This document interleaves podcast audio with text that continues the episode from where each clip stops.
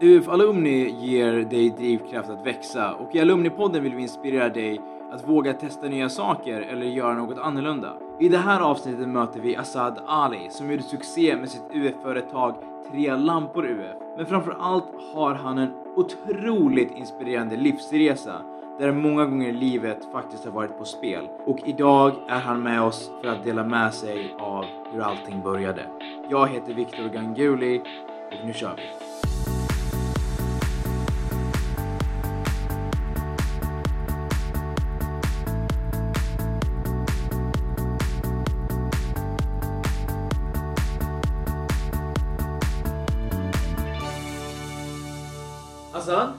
Hjärtligt eh, välkommen till podden. Tack. Du har eh, haft ett otroligt inspirerande UF-år. Och eh, vi kommer dyka in i det, men innan dess så vill jag veta lite mer om din bakgrund. Jag tror att det skulle hjälpa både mig och lyssnarna till en förståelse för vem du är lite mer. Mm. Eh, mitt namn är Hassan Ali och eh, jag bor i Nybro utanför Kalmar. Jag kommer från Kurdistan och jag har bott i Sverige i snart fem år. Ah. Du kom du direkt från Kurdistan till Sverige? Nej, det var ju så att jag flyttade från Kurdistan när jag var ungefär 12 år gammal.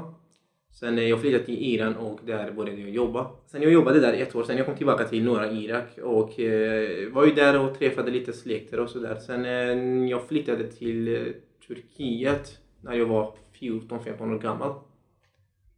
Sen eh, jag hade bott i Turkiet i 6-7 månader. Hur kom det sig att du flyttade så mycket?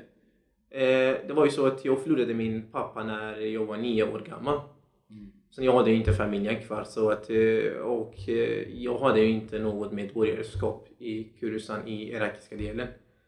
Så min pappa och min bror de jobbade ju, de hade ju en minilastbil, en liten lastbil så att de eh, transporterade, alltså levererade grönsaker södra till norra.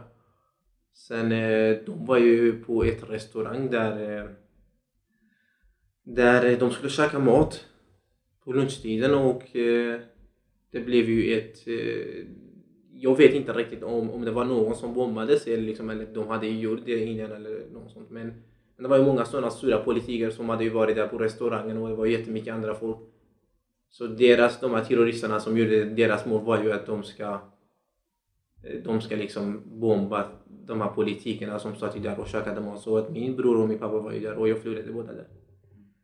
Mina släkter och lite familjen och grannarna som jag var, jobbade med, de tog hand om mig. Tills jag blev 11 år. Och du, du började jag direkt jobba där för att jag hade inte kunnat gå i skolan. Och eh, jag jobbade lite, sparade lite pengar, sen jag fick lite mer kontakter och eh, jag, jag åkte till Iran med några andra. För att, att jag ska kunna jobba där och kunna liksom spara pengar och flytta därifrån för att jag hade ju inte kunnat gå i skolan och att man fick ju inte jobb, man, eh, man hade ju liksom inget framtid. Så äh, därefter, jag blev lite äldre och sen jag kom tillbaka till äh, norra Irak, träffade de här familjerna som tog hand om mig. Sen där, äh, där bestämde jag att jag ska flytta därifrån.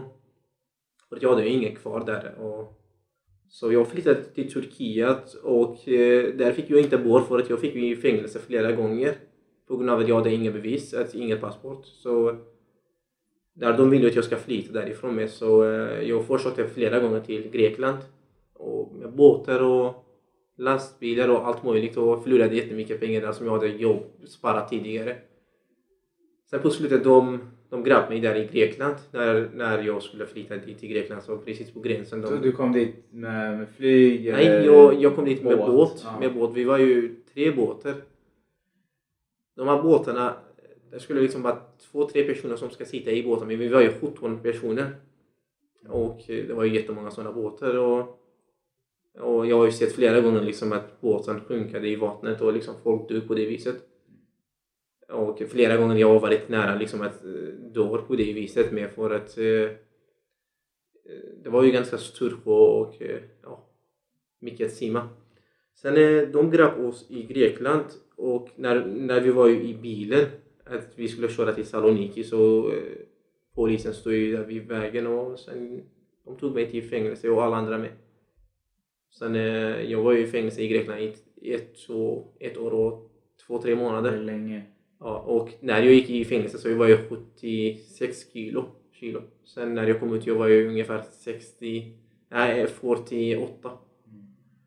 Så jag gick ju ner jättemycket i vikt. Det var ju, det var ju absolut inte den bästa ställen. Det var ju väldigt tufft att man liksom var i fängelse med folk som har ju, som har ju dödat, som har ju liksom gjort mycket annat. Och jag var ju ungefär 16 år, 5, 16 år vid den tiden. Så jag var ju där i ett år, tre månader.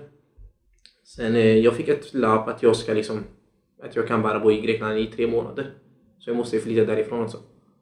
Och eh, sen, eh, jag var i Italien och sen där träffade jag folk, ringde folk och sådär. Så jag tog eh, lite kontakter och där de fixade ett sånt pass åt mig, flaskpass. Och där åkte jag från Italien till Danmark och där kom jag till Sverige.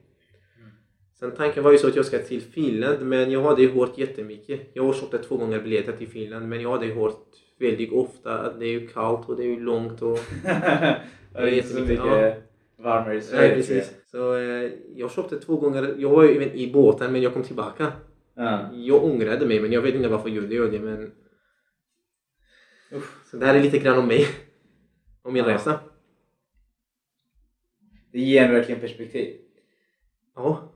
Så eh, det här var lite- väldigt tufft men dessutom jag har ju faktiskt lärt mig väldigt mycket under denna resan. Jag var ju väldigt ung, när jag började resa men eh, men jag kan ju säga att jag har lärt mig. Jag kan åtta språk idag. Vil- Vilka språk kan du? Jag kan arabiska, både kurdiska, sorani och kurmanji. Jag kan persiska, deriska och jag kan grekiska. Engelska, lite svenska med. Jäklar. Så eh, jag har ju lärt mig det under resan.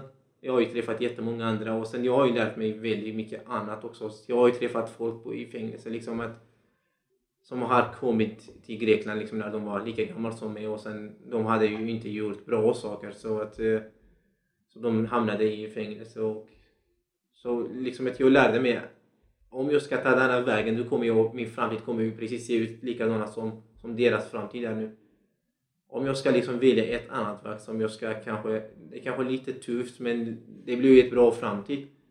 Så jag valde den bästa vägen och eh, det gick jättebra. Jag kan föreställa mig att du behövde växa upp ganska tidigt. Jag var ju redan vuxen när jag var ungefär nio år. Jag gick inte liksom till skolan, jag lekade inte med andra, jag, jag jobbade istället. Så att eh, på grund av mig, jag förlorade mina föräldrar så att eh, så jag var ju inte som alla andra. Och, och även idag också, de som är lika gamla som mig, de, de känner sig liksom att de är fortfarande barn. Liksom, men, men jag känner alltid mig liksom att jag är redan vuxen. Mm. Och det hade jag varit liksom precis när jag var ungefär 9-10 år. Om vi ska gå in på eh, ditt UF-år. Ja, De eh, hade den här kursen, var det ditt andra eller tredje år på gymnasiet? Tredje år. Tredje år på gymnasiet, man fick starta Mm. UF-företag. ja. När du fick eh, reda på att den här möjligheten fanns, vad, vad tänkte du då? Eh, när jag gick i tvåan så, så vi hade ju några killar, de som gick i trean och de vann ju årets bästa, andra pris på årets bästa hantverk på SM. Och jag såg att de hållade på och fixade mobilhållare och lite sådana grejer så att eh, jag visste inte riktigt liksom vad det handlade om för att vi pratade aldrig med varandra. Men eh, en dag, en av mina lärare, Sverker Andersson, eh, det var ju precis på slutet, han, han sa att ni kommer göra det här och det här och berättade lite om UF och vad är det och Sen eh, vi fick ju liksom att tänka lite och komma på något tankar sen vi ska skriva ner och han ska samla de här alla papperna sen han återkommer med de här papperna nästa år. Så eh, vi ritade lite på och eh, Och det var den här, eh, ditt UF-företag kommer ju att heta Tre lampor, mitt UF-företag heter ju Tre lampor Tre UF. lampor UF. Ja. Var det självklart redan från början att det var... Eh, nej, det var ju faktiskt inte vid den tiden när, när jag hållade på att rita, men det var ju precis i somras så att jag flyttade hemifrån. Alltså jag flyttade från ett lägenhet till ett annat lägenhet. Och eh, där jag hade ingen lampa i lägenheten. Så att eh, jag började liksom tänka på, men visst, jag kan ju kanske tillverka en lampa. Och det var ju precis på slutet i, i tvåan också. Så jag började tillverka en lampa åt mig själv. Och eh, ja, när skolan började i trean så att lampan blev ju klart och sen jag hängde upp hemma och sen eh, mina kompisar de var ju hemma hos mig och de eh, en av dem, Tobias, han, han gillade ju lampan. Och han, ja men den här lampan skulle kanske funka till mitt vardagsrum också sa han. Så att, eh, och han valde att jag ska måla vit. För eh, hela vägen och allt var ju vitt i hans rum. Så han var ju väldigt intresserad. Du fick jag min första beställning där. Sen UF, UF började och eh, jag, jag började registrera mitt företag och eh, tog lite reda på vad är det som krävs att man ska göra och lite affärsidé man måste skriva och affärsplan och många sådana små grejer.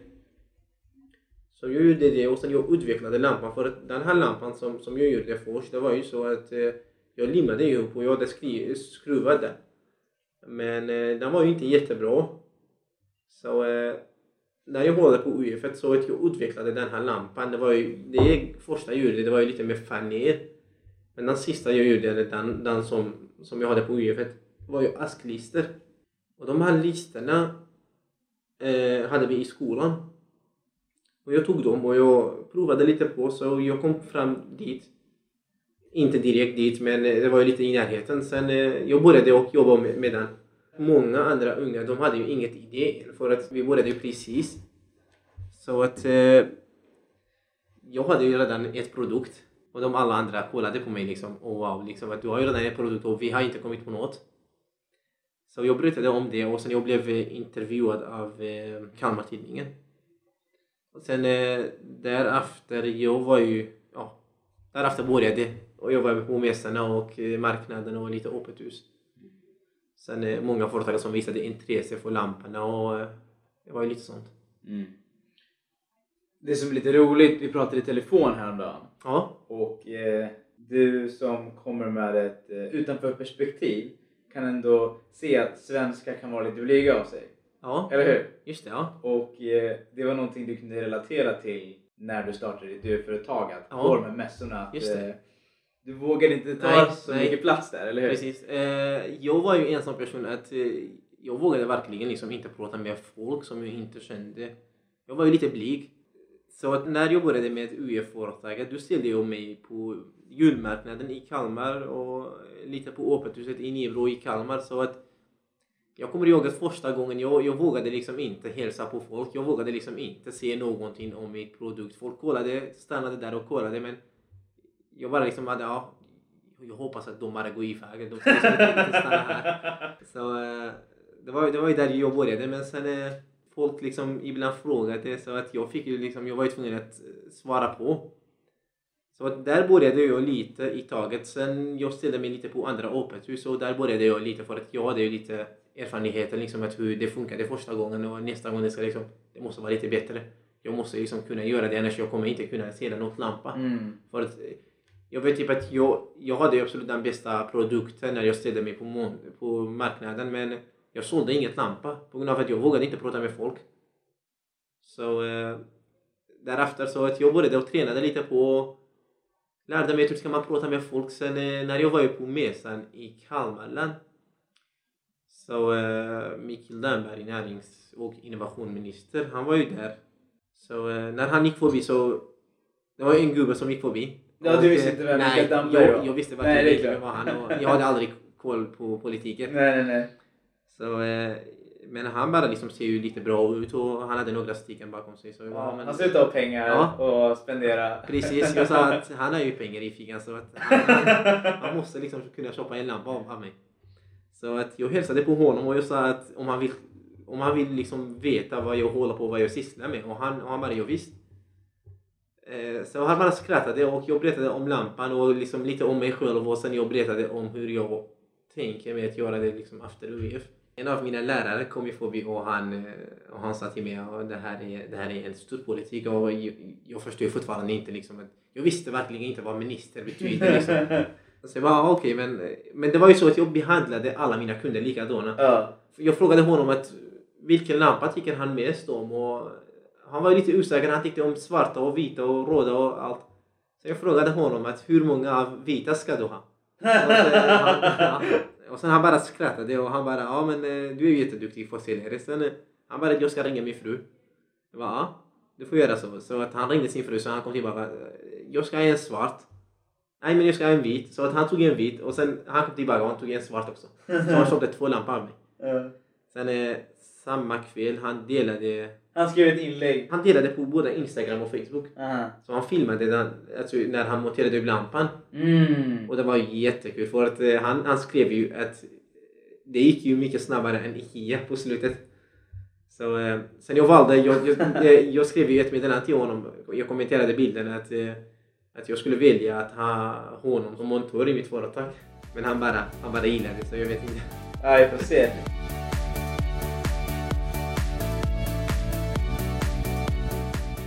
Du känner du till eh, Alumni Weekend? Ja, det gör jag. Du var ju taggad på att komma. Jag var ju väldigt taggad på att komma till Alumni i Gävle och eh, jag skrev ju på Facebook-sidan på den här pagen att, att jag kommer men, eh, men det var ju så att nu fick jag faktiskt ett eh, erbjudande från kungen i slottet så att, eh, att eh, jag ska ju träffa kungfamiljen. Och då visste jag ju inte liksom att vilken ska jag välja för båda, båda, båda var ju väldigt viktigt för mig och eh, båda var ju på samma dag också. Ja, du ser. Så, eh, och sen samma dag, jag, hade, jag, hade, jag sökte ju till ett stipendium, Anders... Anders Wall-stipendiet. Nej, det var inte det faktiskt. Det var ju Lars Fredriksson. Där vann jag faktiskt 30 000. Jag fick ju stipendium. Ah, 30 000, Ja. ja. wow. När var det här då? Eh, Det var ju samma dag. Samma dag, det också? Ja. Så, att jag, så, så jag träffade dem på morgonen. Och sen jag träffade kungen eh, ja, eftermiddag. Så, eh, och sen, så eh, din, din kalender var det så ta emot stipendium på 30 000, Ja. sen träffa kungen. Ja, och sen, och sen jag funderade på liksom att ja, men jag kan ju kanske åka imorgon men eh, jag började jobba dagen efter också. Mitt första dag på jobbet. Så jag bara, om jag kommer inte dit liksom första dagen, det, det är ju inte så roligt liksom att man, att man inte gör det.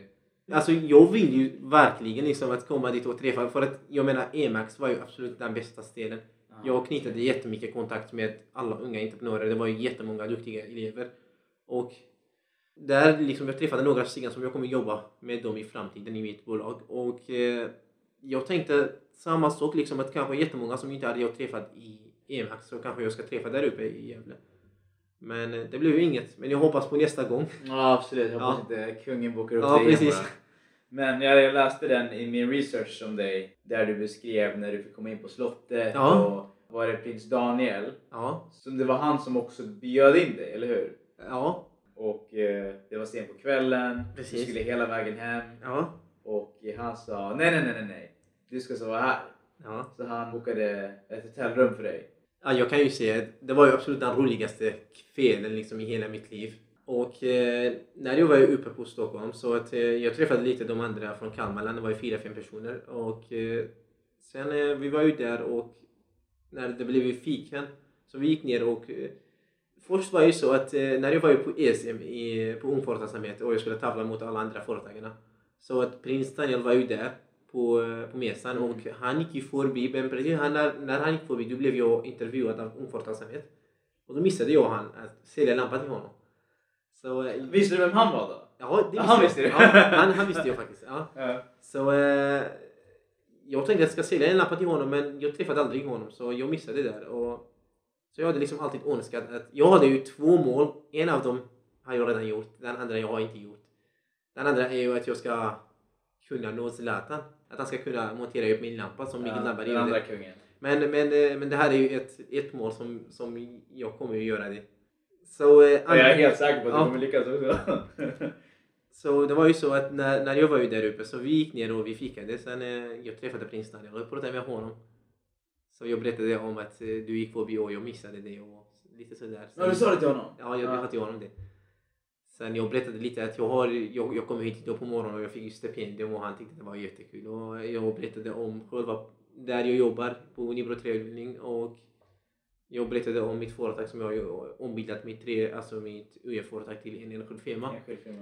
Så att han, han tyckte det var jättekul och sådär. Sen jag visade honom första gången lampan och han tyckte det var jättefint. Sen han sa men du lyckas sälja en lampa till mig på slutet. Så att gå runt och sälja lampa till alla andra. För att när du lyckas sälja till mig, du kan du sälja till alla andra med. Ja. Men det var precis på slutet för att de skulle gå vid 11. Och eh, jag gick ju iväg också ungefär vid 5 i 11. Så att när jag pratade med prins Daniel, vi pratade om det att jag har varit här på morgonen och eh, jag gäspade jättemycket så att han visste att jag är förtrött. När vi pratade om det, ja, jag har ju tänkt att jag ska åka hem. Och han sa, nej det tycker jag inte för att eh, du ser inte jättepigg ut så jag tycker att du ska sova för att det är ju många timmar ner till Nybro. Det är bra att du ska vila här, sen eh, du kan åka hem tidigt på morgonen för att jag hade ett möte på morgonen. Han bara sprang till mig. Han bara, jag har ju fixat det. Jag har ju bokat in hotell åt dig. Du ska inte åka hem. Du ska dit och ska vila. Sen åk tidigt på morgonen.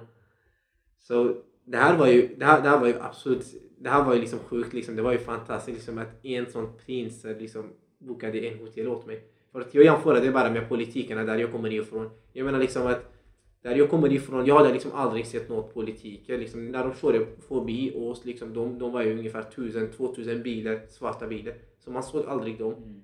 Och jag menar prins Daniel, att han bokade en hotell åt mig, det, det här, det här var otroligt kul alltså. Mm. Sådana liksom ministrar och politiker och liksom prinser, det, det gör ju de här unga entreprenörer som åker liksom att liksom, om de ska tro på oss då är det jättebra för liksom att vi kommer ha ett självförtroende. Vi kommer liksom också tro på sig själv. Alltså jag kommer tro på mig själv också. För att jag menar det är jättekul liksom att prins Daniel kommer förbi och kolla på ditt monter. Ja men det här är jättekul du håller på. Jag tycker det är otroligt häftigt ja. hur, hur orädd du är. Och egentligen det man inser av att titta på dig är att, att få ett nej, man dör inte av det. Nej. Jag har ju alltid sagt liksom att misslyckats är ju absolut inte... Alltså att misslyckats finns ju absolut inte jag menar att jag har ju kanske ibland fått nej. Men jag menar att jag har ju inte gett upp bara för att jag har fått nej. Jag har ju liksom gjort bättre. Liksom, jag har ju, det var ju så att när, när jag började med tryckeriet, när jag förberedde mig till, till eh, SM i Stockholm så jag gick på en tryckeriet om de, att jag skulle ha lite tapeter och lite tryckeri på. Det stod liksom tre lampor UF och lite mindre färgkedja. Så att eh, de, de, de sa ju nej till mig. De ville ju inte att göra det åt mig. De ville ju att jag ska betala ungefär 15 000 vilket jag inte hade vid den tiden. Sen eh, jag tackade dem och jag gick ju till nästa. Så jag menar liksom att jag har ju aldrig gett upp på det viset. Jag har misslyckats vissa gånger men jag har lärt mig av mina misslyckats. Sen jag har lyckats. Och det var ju tack för att jag misslyckades första gången. För att jag tränade. Jag lärde mig när jag misslyckats. Sen jag använde det om och om och sen jag lyckats på slutet. ska börja runda av det här samtalet och eh, innan jag eh, ställer dig min sista fråga ja. så vill jag ta det här tillfället att, eh, att hylla dig. Du har en sån otroligt inspirerande berättelse med så mycket glädje och smärta och sorg och hoppfullhet och allting på samma gång så starkt också. Tack. Och eh, du påminner framförallt oss som föddes i det här landet att eh, det är mycket som vi tar för givet. Du har berättat för mig att eh, du, du har inget svenskt pass. Nej. Och eh, det är någonting som du, du drömmer om att få en dag. Ja. Ett svenskt pass är... Det, det, det har vi alla och ja. vi, vi, förstår inte värdet att kunna mm. ha ett eget svenskt pass i handen. Mm. Eh, det är ju så att jag menar ett svenskt pass det betyder ju väldigt mycket för mig. Och jag har ju aldrig haft något pass i mitt liv men eh, när jag drev UF så jag var ju i Köpenhamn och jag skulle kolla lite på lampor där och skulle kunna liksom få lite kontakter så att hitta någon återförsäljare till min lampa. Så att där, där fastnade jag mellan Malmö och, Kall och eh, Köpenhamn. Mm, på grund av att jag hade inga pass och jag hade samtidigt liksom körkort och lite ID-kort men, men det hjälpte inte jättemycket. Men sen på slutet de, de slapp ut mig. Men jag menar liksom att jag kan ju inte åka någonstans för att, att jag har inte pass. Och jag har ju sökt till främlingpass. Det är ju liksom någonting som att man får om att man inte får eh, medborgarskap. Men jag fick ju ändå inte det heller. På grund av att de vill ju veta var jag kommer ifrån. Och jag har ju berättat liksom att jag är ju inte ett land. Så hur, hur, hur skulle liksom jag kunna beskriva, hur ska jag bevisa att var kommer jag ifrån? de vet om det. Liksom, de, som, de som ställer frågan till mig att du, ja, men du måste liksom visa var du kommer ifrån. Ja, men jag har redan berättat och ni själva vet om det. Liksom, vem är jag? Och det är inte bara jag, det är jättemånga andra som, som är likadana som mig. Så jag menar att om jag skulle få ett pass, du kan jag faktiskt... För att jag har ju lite kontakter nu i Tyskland och i Danmark som jag skulle kunna kontakta dem och träffa dem och liksom berätta mer om mitt företag så att de kan bli mina återförsäljare. För att en av mina drömmar är ju det att jag ska leverera mina produkter till hela världen. Mm. Och det kommer jag absolut göra det. Det kvittar sig om jag har pass eller inte. För att jag är en sån person, jag, jag kommer inte ge upp när jag inte har pass heller. Så att jag kommer liksom åka dit, kanske jag kommer göra det. Jag vill ju nå mina mål. Jag vill ju liksom göra det som, som, som jag har tänkt, som jag har skrivit ner. Och jag menar de här målen som jag har, det är ju det är ju båda bra för landet och det är liksom bra för mig och liksom det är bra för samhället också. För att jag menar om att jag ska nå ut och liksom någon annan, något företag, storföretag ska bli min återförsäljare. Då är det, betyder det att mitt företag ska ju bli stor. Där behöver jag liksom fler som ska kunna jobba med mig. Ju mer folk jobbar här desto liksom mer blir det. Alltså, mer folk kommer ge skatt och liksom få pengar och liksom kunna bidra till samhället. Och sen dessutom, jag menar att eh, jag flyttade från Kurdistan, alltså från irakiska delen för att jag hade inget pass, jag hade inget bevis och jag är fortfarande inte det heller. Och det, jag tycker det är så häftigt med dig att eh, du kan göra så mycket med så lite resurser. Jag kan ändå känna att jag glömmer bort att eh, det finns så mycket för mig att använda där ute. Mm. Och du, du började med väldigt lite men gjorde det bästa utav situationen i varje fas i livet du var. Och eh, jag, tror att, eh, jag tror att vi är många som hejar på dig. Tack. Eh, allting från näringslivsministrar till prinsar till alumner. Det är, det är jättekul och det är jättehärligt. Vi, vi alla är fans av dig och verkligen hejar på. Och Tack. jag hoppas verkligen och tror på att du kommer ta över hela jävla världen och Mm. uppnå alla dina drömmar.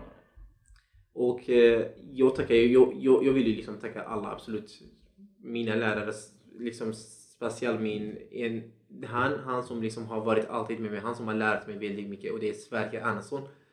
Jag tackar ju honom alltid för att liksom, han har alltid varit med mig, han har alltid liksom lärt mig. Jag har ju lärt honom, alltså jag har ju jag har ju lärt mig mycket saker av honom, liksom att hur man beter sig, hur man liksom behandlar andra personer och han är fantastisk alltså. Och han, är, han, är, han är en sån person som att jag kan inte beskriva honom. Det är ju, han är absolut den bästa personen och eh, jag vill liksom tacka Ung Företagsamhet att utan Ung Företagsamhet, utan den här kursen, utan UF, jag hade faktiskt absolut aldrig lärt mig dessa saker. Jag hade liksom inte lärt mig hur ska man liksom prata med folk. Jag hade inte lärt mig att hur ska man knyta kontakter, hur ska man liksom driva företag, hur ska man liksom kunna marknadsföra, bokföra, vilket jag har aldrig gillat men jag har lärt mig ändå.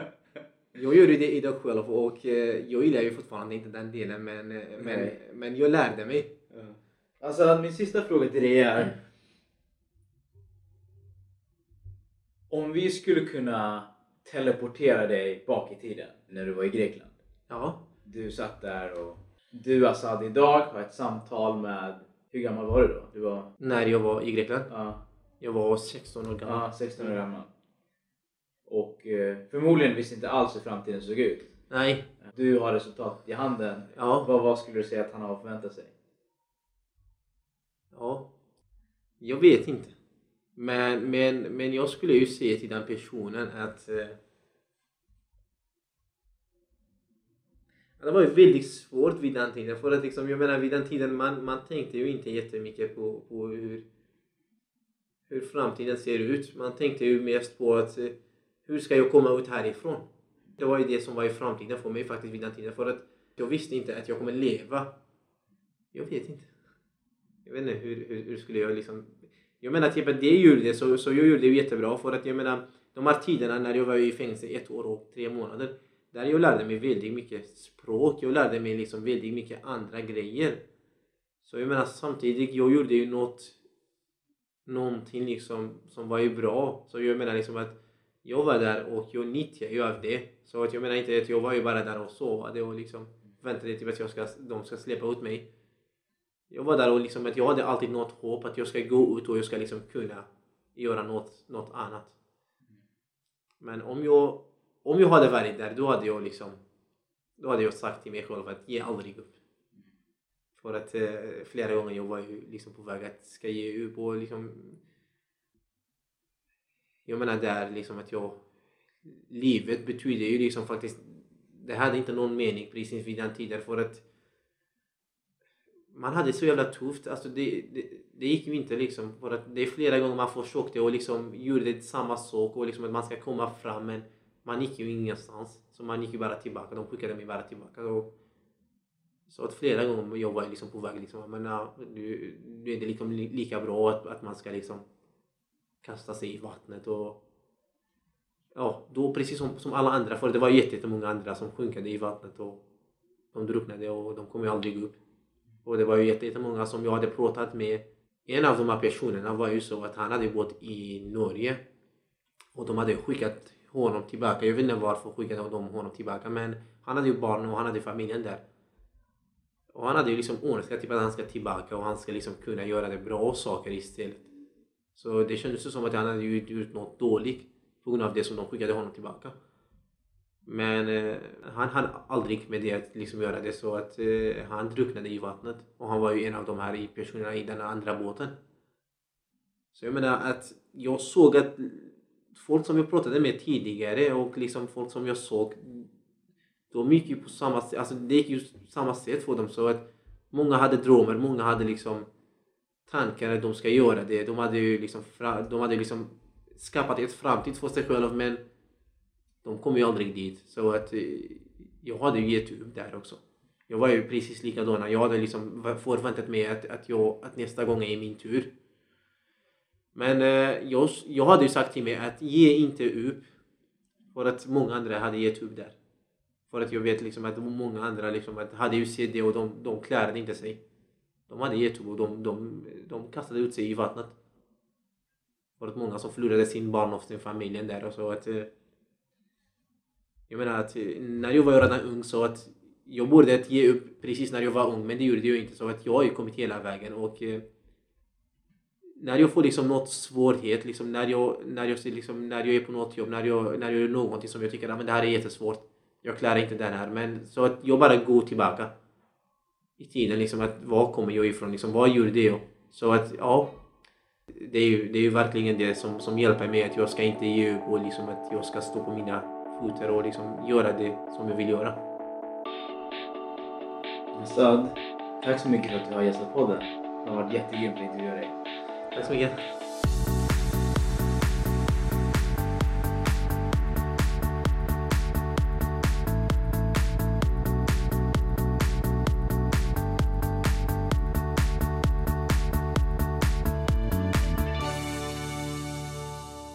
Har lyssnat på Alumnipodden med Asad Ali. UF Alumni är ett nätverk för dig som tidigare har drivit UF-företag. Se vilka aktiviteter som är på gång och vad UF Alumni kan erbjuda just dig på ungföretagsamhet.se UF Alumni.